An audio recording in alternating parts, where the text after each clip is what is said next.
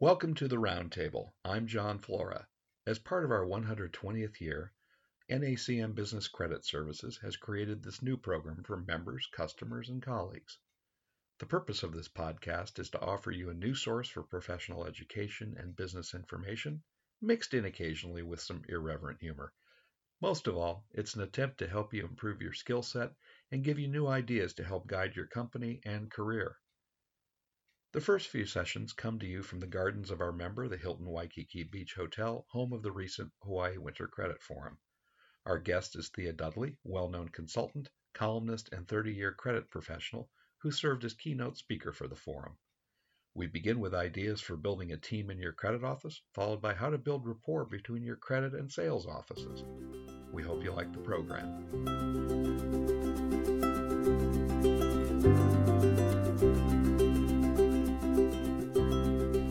Welcome to the first edition, and I'm pleased to have Thea Dudley join us. We're in Honolulu, where we've been attending the Hawaii Credit Forum. And in Thea's presentation to our members, she spoke about her experience as a 30 year credit manager. Talk a little bit about how you brought your people together. Yeah, well, John, thank you so much for inviting me to participate in this. I'm, I'm really honored, and it's this has been a lot of fun. It's been a great conference. Uh, I think one of the biggest challenges is everybody is so busy trying to prove that they've earned their spot on the team that sometimes they forget that it's not a competition among us, that we are a team. And so trying to find ways to pull people together, really some basic ways are one of my favorite tools has been a, a book club. And it, it really doesn't matter the book. Don't pick out anything really huge that, that's going to take a huge chunk of their time, something with some short chapters but something on leadership or team building. And I, you know, I assigned everybody a chapter. You have to lead it. You have to present it. It's your job as the leader for that week to engage the rest of the team in the book, pull out of them what they got. You can you can roll it out any way you want, bring props, act it out. I really don't care. But the idea is to force people out of their comfort zone and to get to see each other a little bit differently. That's a big challenge. You start to see bits and pieces of people that you hadn't seen before and it also forces you to, to realize you have more in common and that they do have a lot of, of things to offer that you can respect. So you have been with larger companies, at least mm-hmm. recently. How do you make that work when you have people all over the country? I can see it in a small company, but how do you do it in a big company? Well, it's it's a lot harder, and but it's not impossible. So we we did a book club, and we did it by a a conference call. Everybody, I mailed out the book to everybody. Everybody got, you know, we, we had the initial kickoff meeting and everybody volunteered to take a chapter and those that didn't volunteer got voluntold. And, you know, it's like, look, this is mandatory participation and you might think it's stupid, but I'm asking you to open your mind and try. There's a lot of people on the team you could learn from and it's going to help us gain some mutual respect for one another. And, you know, the first couple weeks are rough because you're not looking at faces, you're not seeing what people are doing but you start to get into the spirit of it and pretty soon it takes a life of its own so it, it is possible it's just a lot harder so as you had this experience let's just take an example and you're out say 10 weeks and then you do the next book and you do it a couple of times a couple of cycles mm-hmm. what does that do for the culture of the department well, it definitely pulls them together. They're starting to see each other a lot differently. They're starting to maybe talk to people on the team, especially if they're scattered across the country. It's a little easier when, the, when people are in an office, but even in that setting, we tend to clump up and we go with the, the couple people that we're close to, and maybe there's someone on the team. I, I like to refer to it as, as the chicken syndrome. You know, there's, it, and for those of us that grew up in the country, there's, in any group of chickens, there's always that one chicken that starts pecking on the, the little weaker chicken. And then pretty soon all the other chickens get in there and they start pecking it, and the, and the chickens peck to death. And then when that chicken's gone, they just find another chicken to peck on. So what you're trying to promote to the team is that we don't need to, to basically turn on ourselves. There's value in everybody, and if that person's not providing enough value, then maybe that's not the place for them. But let's let's try to sort that out in a kinder, gentler manner that leaves people with their dignity. So is there a natural progression for the experienced person on the team to bring along the young person on the team or new to the profession? You know, a lot of it depends on the person that's newer to the team or, you know, where they are in their career cycle, how open they are, and then how secure some of your, your more experienced, uh, tenured people are. That, you know, are, do they feel secure? Do they feel valued? Do they, have they been nurtured kind of with the expectation that, look, you have a you bring a lot to the table and they're secure enough that they can share their knowledge and want the people they're bringing along to be better than them because at some point I'm going to retire and I'd like to have at least one or two people on the team that I know could step out into my role and take over and the company never misses a beat and the people that are there still get challenged and still get to grow. So one of our other speakers dealt with uh, the challenges of having an office of multiple generations. And I'm going to talk to her another time. You've just touched on something there. We all retire. We leave our jobs. Whether we walk out, get thrown out, or go out feet first, we leave. But the company keeps going mm-hmm. in most cases. And so, does this? How does this work to prepare that next generation? It, it actually works very well. It, it allows, and I loved Caitlin's um, conversation because it really was more of a conversation instead of a presentation. She did such a great job engaging everybody. But it really does help to kind of put into context that everybody has value. And if you allow it, what my skill sets for somebody maybe coming into the industry, their skill sets may be something polar opposite of mine, but I get to learn a lot from them and they get to learn from me, and we're a much stronger, better team for it. And so when I leave, the footprint I want to leave is that I made an impact on the people that make up this company because, you know, basically companies are just made up of people. So if your people all basically suck, then, you know, your, your culture sucks, your team sucks. So why wouldn't you want to try to encourage and grow people? I want you to be better than me. So you've done this in a couple of different companies at mm-hmm. least. What's the long-term benefit to to the exercise? The long-term benefit is that you leave it better than you found it, and that you go on to show people. I had some some experiences early on with with um, I, I, call them mentors, but they weren't they weren't the best mentors ever. Um, they, I didn't know I wanted them. I learned a lot from them, but it was not the best way. It was a lot of it felt like you were being beaten every time you got a lesson. It, you know, I, I was waiting for the rack to show up out back so I could be stretched up and you know burned at the stake. It was not okay to fail. It was not okay to make a mistake. It was not okay to show any kind of weakness. And in a team, I think you you have to be able to go to someone else and say, "Hey, look at this financial statement," because I've been staring at it for about a half an hour, and I know something's not right, but I can't put my finger on it. And of course, someone else will look at it and go, "Well, you know, it's this big glaring thing right here." you know, sometimes you just you need some support from someone else or to be able to bounce it off of somebody. And you know, none of us are an island. So I don't pretend to have all the answers, but I'd like to think that I'm smart enough to know how to leverage, you know, people that are smarter than me. In our last few minutes of this segment, can you give a couple of suggestions of books you've used in this in this setting? One of my favorite books, and it's it's not a t- it's it's definitely not a credit book, but it's by Bradley Hartman, and it's called Behind Your Back. And it, he was a purchasing manager of Pulte Homes, and he does sales training, and he trains salesmen how to approach, you know, those those purchasers to get the sale. And I loved the approach that he took. And it's they're people they're basically people skills. They have absolutely nothing to do with with you know selling credit or anything like that. They're people skills. And the same things that equate for salesmen equate for credit. I'm trying to find the magic button to make you pay me on time and to do what I need you to do so that our relationship continues well. So, what do I need to do to stand out? And there were some great takeaways from the, the book is a short, you know, it's a short read. Um, the chapters, you know, some of them are like two to three pages long. So it's an easy, quick read. It's written in, you know, just everyday English, so you don't have to, you know, get out your thesaurus to try to figure it out. It's a really great book, and we did that for a team of credit managers and we, we actually got a lot out of it. So when you get the people together for the weekly call, how long does that take? We keep it to a half an hour, and that's a hard stop. Okay. Well, that's a good tool. And that's also a good break. And we'll come back here in just a few minutes and talk about another follow up discussion. If you're looking for more educational opportunities, be sure to take advantage of our monthly online webinar series. Each month, we offer a new topic presented by a professional in a particular field. You can register for yourself or gather your colleagues in a conference room and attend as a group. For more information, visit our website at nacmbcs.org and click on Event Calendar. And we're back with Thea Dudley sitting on a under a lovely gazebo in Honolulu, taking advantage of nice weather before we both catch catch flights back to the yeah, cold. Yeah, this is this is not the worst day at work. I got to tell you. Building off our last conversation, Let's look at the sales and credit department relationships. Uh, as we, I think we all have learned, until you walk in somebody else's shoes, you don't really understand what they do. So, speak to that a little bit, if you would. You know, I when I started in credit, I literally had no credit people in my building. In fact, the, the nearest credit person in our company was three states away. And all I had were salesmen.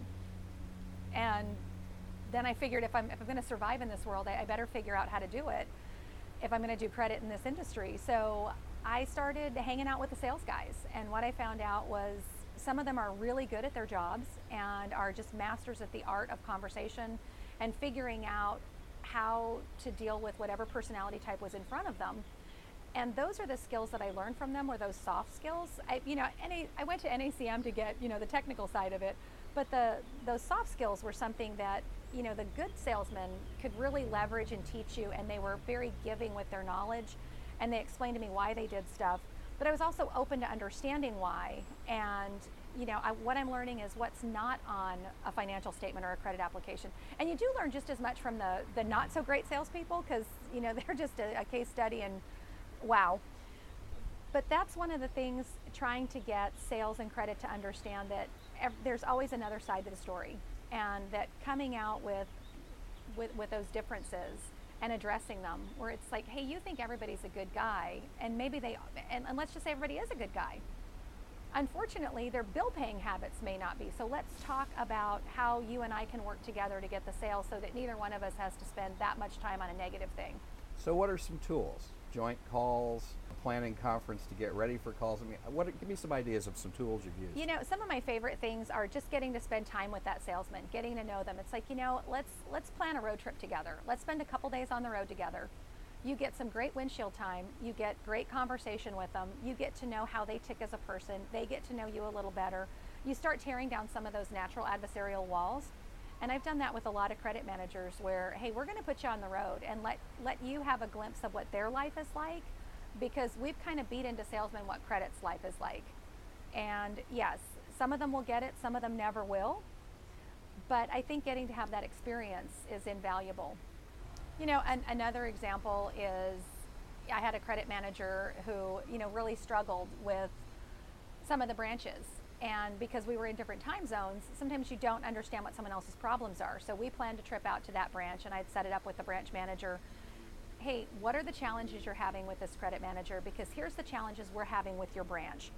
And so he kind of he said, you know, it really chaps my warehouse guys because it seems like you guys wait till the end of the day back there and we'll release all the orders and go home and then we have to repack the trucks.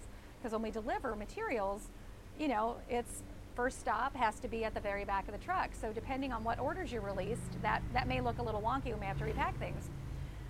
So we went out to this branch and you know he started to get set up to release orders. I said nope you're going to the warehouse. And the warehouse manager walked in and said so you're the guy that you know makes us repack trucks at six o'clock at night over here or four o'clock in the afternoon. And so he went and spent two days in the warehouse. And don't get me wrong, he was not happy when I saw him. You know, when I when I had a cold beer for him when he got back to the hotel. Um, he, he was not happy about it. But by the end of the second day, you know, he's like, I get it. And the two of them came to an agreement and had a lot more respect because the credit manager got to explain, look, sometimes I can't get a hold of these guys till the last minute. Sometimes, you know, they're there are things, there's only so much I can do. And when I finally am able to release the order, I didn't think about how it impacted you.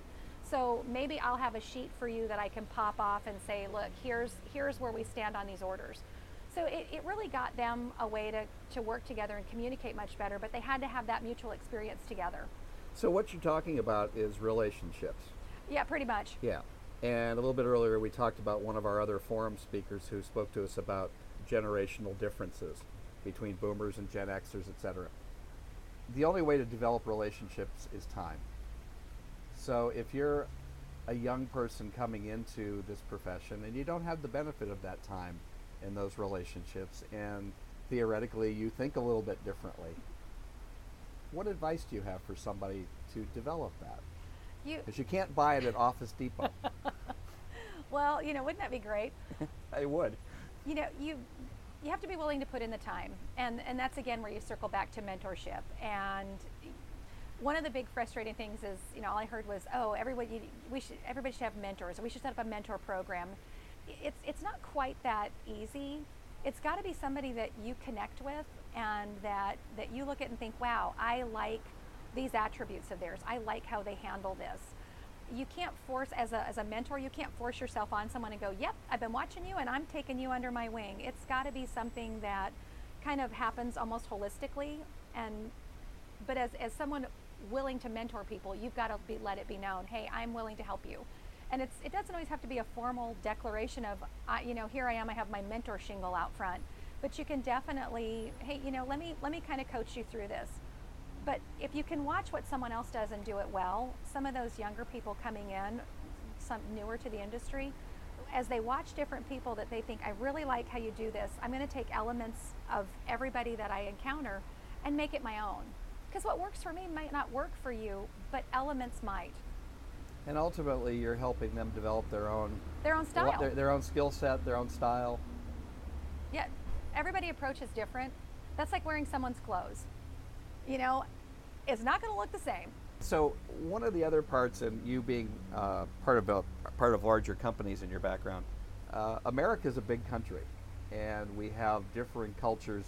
Obviously, we have some huge divides right now, but we have the South, we have the Northeast, we have the Northwest, we have everything in the middle, and then we're out here in the middle of the Pacific Ocean, 2,500 miles away from the coast. And business is done differently. Not really, but it is. And you have to deal with the different cultures. What's your experience with that? Uh, well, actually, that's one of my favorite parts of the job.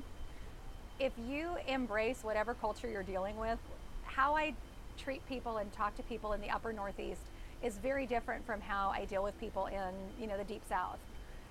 A lot of times in the upper northeast, if you don't drop an F bomb right out of the gate, they just don't respect you. You know, if I did that in Wisconsin, I'd be run out of town on a rail. So you have to go in and, and know the local cultures. You have to know, all right, look, I'm going to be as adaptable as I can. It doesn't mean I'm going to be contrary to who I am, but I'm going to try to embrace whatever culture I'm, I'm hanging out with and what that local flavor of it is. You know, coming here to Hawaii, very different. I asked a lot of questions. The people were very kind, walked me through a lot, and you can have an honest conversation and go, look, I realize this is how you all do business, but I got to tell you, here's where I'm struggling. So can we help each other out? Because I don't want to be the phone call that you hate, and I don't want to have to cut you off or, or, or have you be in the same boat where, I hate calling these guys. You know, I think part of it is just sitting down and being honest. Look, I know this is your culture I know you guys are like super laid back. That is never going to be me. I'm like five cups of coffee at all times. So how can we come together? And, and I think nothing replaces that that honest communication. And then people are going to tell you they're either going to perform or they're not. And if they don't, it's like I don't know what you were expecting. I told you everything I was going to do. So if you didn't like the results, honey, you should have come to the table a little better. Well, and right now we're sitting in the middle of a city of a million and a half people if you're back on the mainland thinking about sending somebody to our credit form, it's like, oh, they're going to go out there to paradise and have a grand old time and lay on the beach. But in fact, we're in the middle of enormous commerce here. Lots of construction. Um, it's done a little differently, and everybody's related to everybody. But that's not especially different than other parts of the country. So the relationship piece comes into play once again. It, it does, and that's you, you, could be sitting in Hawaii, or you could be sitting in New York. You can be sitting, you know, in Texas, in in the southeast. It's you know, no matter where you are, there's that cultural network, and every industry is different, but it, but it's small, and the players don't change a whole lot. So you, you kind of have to know how to maneuver around it. But you know, if, if you start building a reputation on, look, I'm going to do everything I say I'm going to do, so I expect you to do the same they may not like you, but they'll respect you.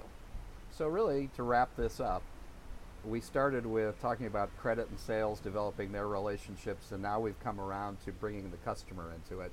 It really does come down to relationships. It does, you know, and I think that's a, a piece that gets downplayed quite a bit. I know when we're running the numbers, we all want to do it better and faster, and I completely believe in leveraging technology. I think there's a lot of transactional work that we can do to, to remove that and then take our people and use them for the, the jobs that are really important. You know, the, the ones that are interacting, the ones to help build those relationships. Because, you know, my goal is to look if we have customers that are in that quadrant that we're not, you know, they're they're low profit, they're you know, they're high maintenance, they're a pain in the butt, they never, you know, they never pay on time, they're high touch. those are the customers that do we want to look at sloughing those off and really enhancing and growing the business with the customers that we do make good margins on. They're, they're good business partners. You know, they pay their bill on time, they communicate. Those are the ones we want to grow. That's where I want to spend my time. It's like, look, if you're going to be a, a resource drain, maybe you're not a good customer for us. That's great advice, and that's a good place to call this session to a close. We've been with Thea Dudley in Honolulu at the Hawaii Credit Forum, and she's been sharing some of her great ideas, and we'll be visiting with Thea again soon. I'm John Flora. Thanks for joining us. That wraps up our first episode. I again want to thank Thea Dudley for being our inaugural guest on the Roundtable. If you have comments about the program or have some ideas for future podcasts, please drop an email to feedback at nacmbcs.org. The Roundtable is a presentation of NACM Business Credit Services, all rights reserved. Thanks for joining us, and we'll see you next time.